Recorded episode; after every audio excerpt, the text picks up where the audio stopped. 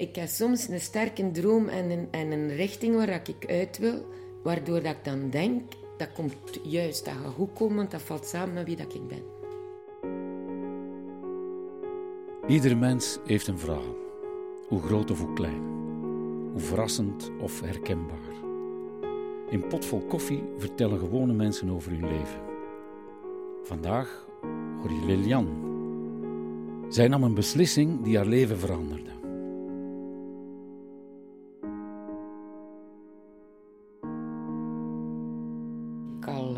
Lang een keer op toneel willen staan. En uh, ik ben gaan zoeken op internet. En toen ben ik terechtgekomen op uh, het sociaal-artistiek project van Antigone.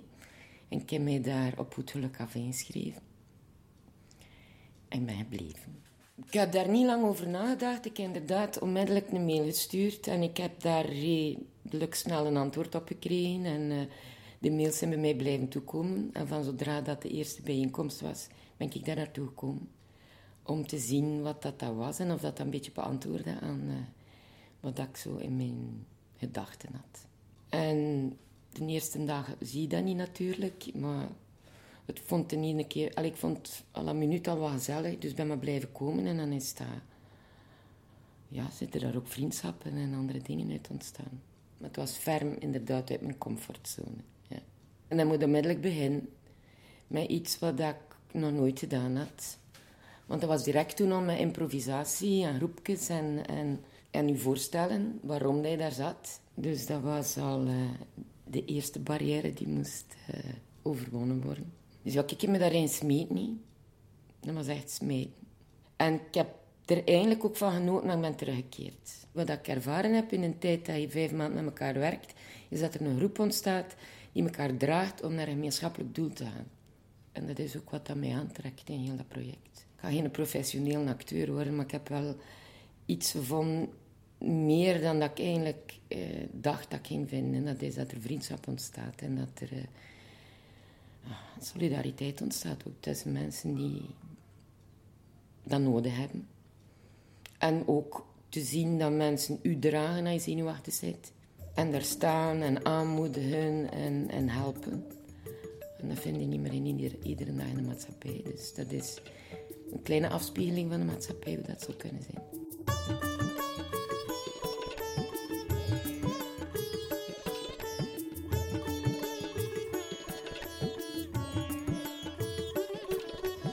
Ik heb het gevoel dat ik in mijn werk dat ik nu doe, meer lef heb om naar buiten te komen. En ook meer uh, los kan komen van mijn structuur en de materie dat ik moet geven. Gewoon omdat je dat in een ludiekere en een andere vorm kunt gieten, omdat ik toch wel iets geleerd heb van wat dat theater is en van wat dat communicatie... Anders staan is voor een groep. Wat dat zichtbaar is in, in mijn manier waarop ik les geef. Ja, meer durven. En meer loskomen van hetgeen dat ik moet doen en de structuur dat ik heb in uh, mijn voorbereiding. Ik was eigenlijk afgestudeerd als sociaal assistent in cultureel vormingswerk. In de jaren 70 was er geen werk. Behalve dan dat de openbare onderstand zich omvormde tot OCME. En ja, ik ben daar per toeval terechtgekomen om werk te hebben. En ben daar 25 jaar blijven, uh, blijven doen. Die dat vooral de, ja, de sociale begeleiding van mensen die, die het moeilijk hadden en die het financieel moeilijk hadden of die drugverslaafd waren. Enfin ja, eerste lijnzorg. Dus dat is heel veel financiële hulpverlening, budgetbegeleiding, opvang vreemdelingen. Ja, dat was een pittig drukwerk met heel veel problematieken. Waardoor dat ik op een duur dacht dat er alleen maar problemen in de wereld bestonden eigenlijk. Een blije mens kwam nooit naar een oceaan mee. Om te zeggen dat hij gelukkig was en dat hij het goed had. Dus dat was uh, altijd mensen uit een of andere probleemsituatie proberen te rekken, te redden, oplapwerk te doen. En de eerste tien jaar vond ik het ook nog wel, uh, vond ik het ook nog wel leuk werk, omdat je ruimte had. Maar later had je niet veel ruimte meer om te doen met mensen wat je vond dat moest. Omdat er van bovenaf heel veel hiërarchie en heel veel regels zijn. Waardoor je geen vrijheid hebt, of te weinig vrijheid hebt om te doen wat hij vond dat nodig was voor een bepaalde, voor een bepaalde mens. Die worden in een vak gegoten, die past in de computer, terwijl dat iedereen anders is en een andere aanpak nodig had. En dat kon niet. De impact die je hebt is redelijk groot, ook naar beleid toe. Maar wat ik zag na twintig jaar was dat ik de kinderen kreeg met dezelfde problematiek. En dat het een werk is dat je iets oplegt van buitenaf aan mensen, verplicht te doen. Maar zolang dat, dat niet van binnenuit verandert, dat er ook in heel een systeem en in een familie ook heel weinig verandert. Dus dat geeft een redelijke frustratie dat ik eigenlijk niet veel bereikt had. Dan waarschijnlijk wel dat oplapwerk, waardoor dan ze wat konden werken en wat inkomen hadden, maar, maar niet. Er was intern niks veranderd. Dus dat begon mij een beetje te frustreren. Ik ben echt sociaal assistent geworden vanuit een diep rechtvaardigheidsgevoel. Als ik twintig was om nog ehm, beter te doen dan de mensen voor mij, allee, ja, voor, de wereld beter te maken, om een bijdrage te leveren aan mijn kleine wereld in mijn omgeving. En ik heb het geprobeerd daarbinnen hoor, om meer ruimte te creëren en meer vrijheid te creëren, maar ja, dat, dat is niet de plaats waar je dat kunt doen. Dus ik moet een stap gezet en, en gaan doen wat ik uh, dacht dat mij meer lag.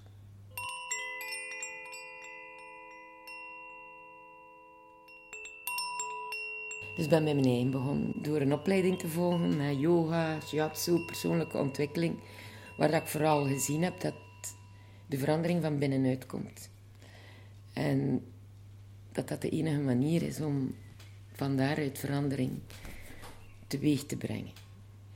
En heb ik uh, dat OCME nog een beetje achter de hand gehouden uit financiële overweging. Want dat was eigenlijk het enige wat mij daar nog hield.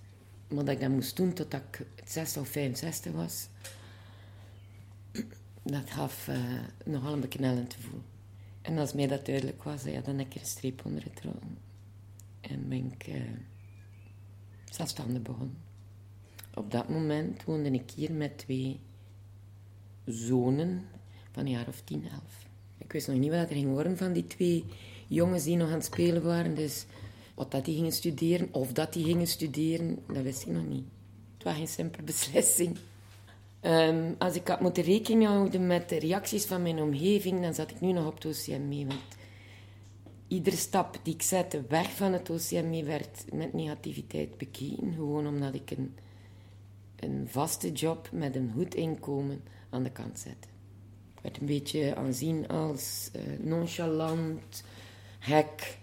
Wat ga je nu beginnen? Je hebt een job en je bent vast benoemd. Ook dat. Wie doet er nu zoiets stoms? De, de grootste reactie was vooral van mijn ouders die bang waren dat ik het financieel niet ging redden. En van wat ga je nu een keer proberen? En waarom moet je altijd iets anders hebben? En, enzovoort. Het was niet echt, was, het was niet echt aanmoedigend, nee. Wat ik me niet aangetrokken heb. Ik heb niet kunnen uitleggen. Ik heb nooit kunnen echt duidelijk maken waarom dat ik zo'n... Uh, voor mij was dat een... Voor mij was een logisch gevolg van wat dat leven inhoudt en, en hoe dat je kunt veranderen. Maar in mijn beleving was dat gewoon voortbouwen op wat dat ik mee begonnen was. Vanuit dat rechtvaardigheidsgevoel en die bijdrage aan de maatschappij was voor mij een verdere stap. Ik denk, ik heb, ik heb soms een sterke droom en een, en een richting waar ik uit wil. En ongeacht de consequenties van dat te lopen of dat te doen, waardoor dat ik dan denk, dat komt juist, dat gaat goed komen, dat valt samen met wie dat ik ben. En uiteindelijk is dat gelukt. Maar dat heeft wel vijf jaar een beetje creepy geweest. Hè? Moet wel een diep vertrouwen in, in de dingen die je gaat gaan doen. Dus dat moet er geweest zijn, anders had ik niet gesprongen.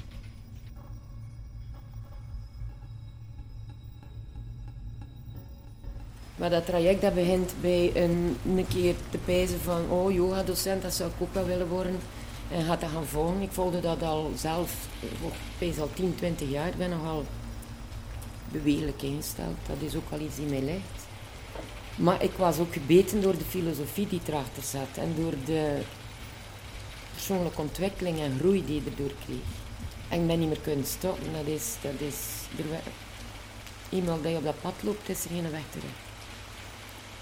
Dus weg terug naar OCME lukte mij ook niet meer. Ik heb het geprobeerd en dat heeft mij niet meer gelukt. Dit is een, een, een, een job in verandering. En, en waarom is dat een job in verandering? Omdat het een persoonlijke verandering is. Omdat de maatschappij verandert. Omdat je daar op een andere manier naar kijkt en op inspeelt. Het is iets in evolutie, het is niet iets die, die, die stagneert. Wat ik wel vond op OCME. En wat dat er ook een angstpsychose gemaakt wordt door het mensen, gaat dat afgepakt worden. Je dat niet doet, je die regels niet volgt, je dat niet meer kunnen. En ik wou in alle vrijheid uh, gaan voor wat ik wilde. Of waarvan dat ik dacht dat dat bij mij klopte. Ik ben uh, aan die vijf jaar opleiding begonnen, waar dat vooral Oosterse filosofie in zat. En bij de eerste les voelde het als thuiskomen. En ik heb ben voortgegaan en ik heb die vijf jaar uitgedaan alsof dat ja, thuiskomen was. Voor mij was het allemaal logisch.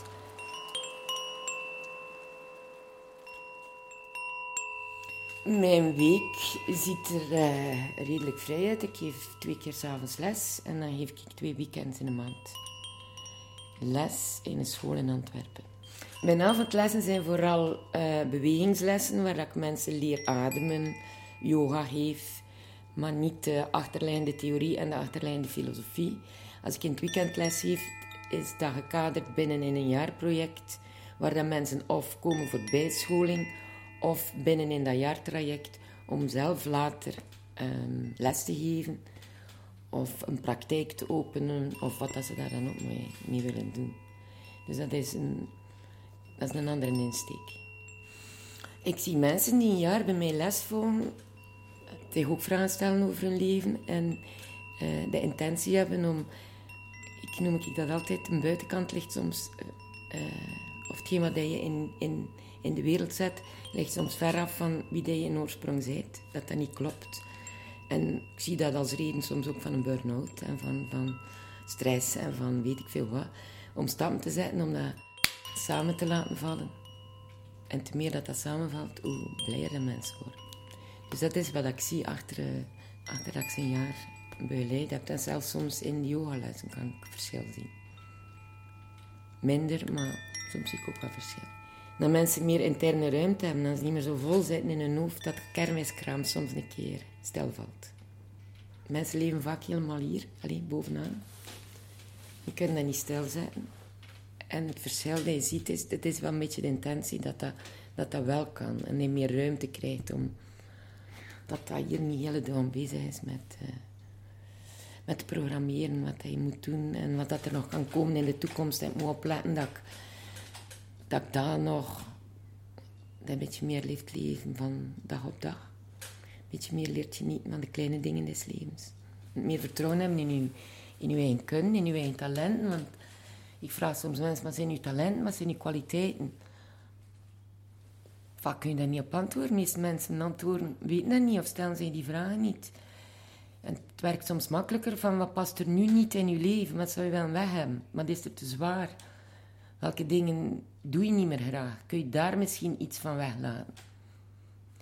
Of ga je te veel over je eigen grenzen? Wanneer zei je te veel ja? Dat, iemand aanleren van het doek dat. En niet dat ik dat allemaal kan, niet. Maar het is wel iets waar ik mee bezig ben. Van, als ik te ver gegaan ben, van oei, oei, voelt direct. Ik vertrek vanuit een fysiek bewustzijn, omdat dat anders nogal allemaal zweverig wordt, waar ik niet zo mee bezig ben. En als je meer zakt in wat dat, wat dat je fysiek lichaam is, gaat het ook duidelijker worden welke emoties er door je leven die, en welke patronen en welke mentale overtuigingen die eigenlijk niet persoonlijk bij u horen, maar aangekaart zijn door de maatschappij, door uw opvoeding, door whatever, die niet bij u hoort. Dus is eigenlijk uw afvalbaar een beetje kleiner, maar uw rugzak een beetje leeg maar.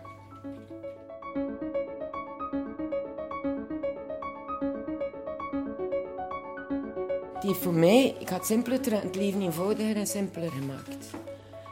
En ehm, het heeft er ook voor gezorgd dat ik minder in strijd ga met...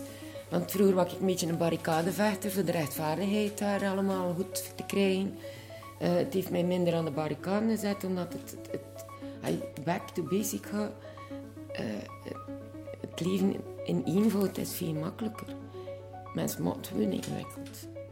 Soms zeg ik, ik moet het verhaal niet hoor. Zeg mij waarover dat gaat en dan kan, kan ik luisteren. Maar al die dingen daar rond, die heeft ook geen zin om daar, daar